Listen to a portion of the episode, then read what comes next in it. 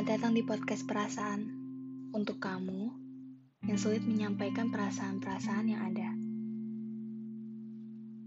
Bagaimana hari-hari kalian?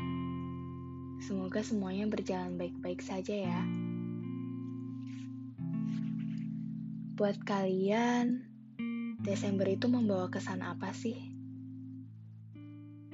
Desember memang adalah bulan terakhir dalam satu tahun. Tapi untukku, cerita ini semuanya berawal dari bulan ini. Ketika dua orang yang tidak saling kenal memutuskan untuk mengenal satu sama lain. Awalnya semuanya berjalan dengan sangat lancar. Tetapi seiring berjalannya waktu, entah apa yang sedang dia pikirkan, dia malah mendorong saya menjadi lebih jauh. Bingung sekali rasanya. Dia selalu berhasil membuat saya bertanya-tanya, apa sih yang dia mau? Apa sih yang sedang dia pikirkan? Apa dia bosan? Atau bagaimana?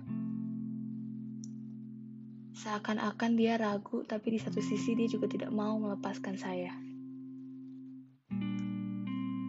Tapi saat itu saya percaya.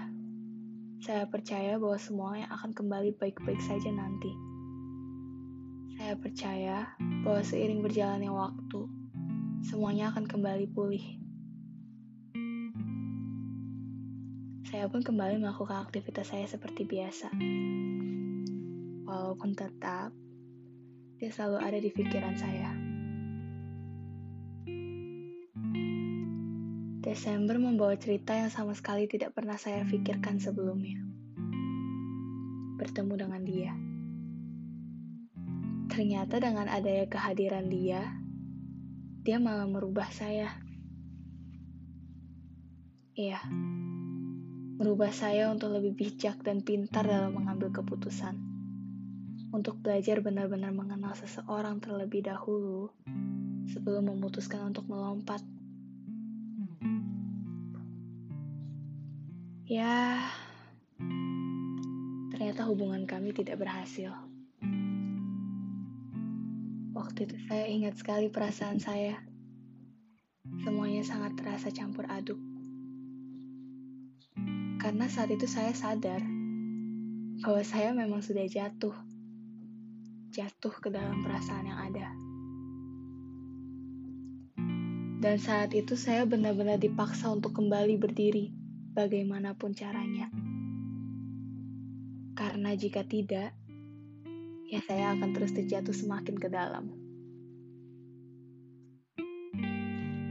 Saya belajar banyak dari dia, walaupun memang harus terjatuh terlebih dahulu.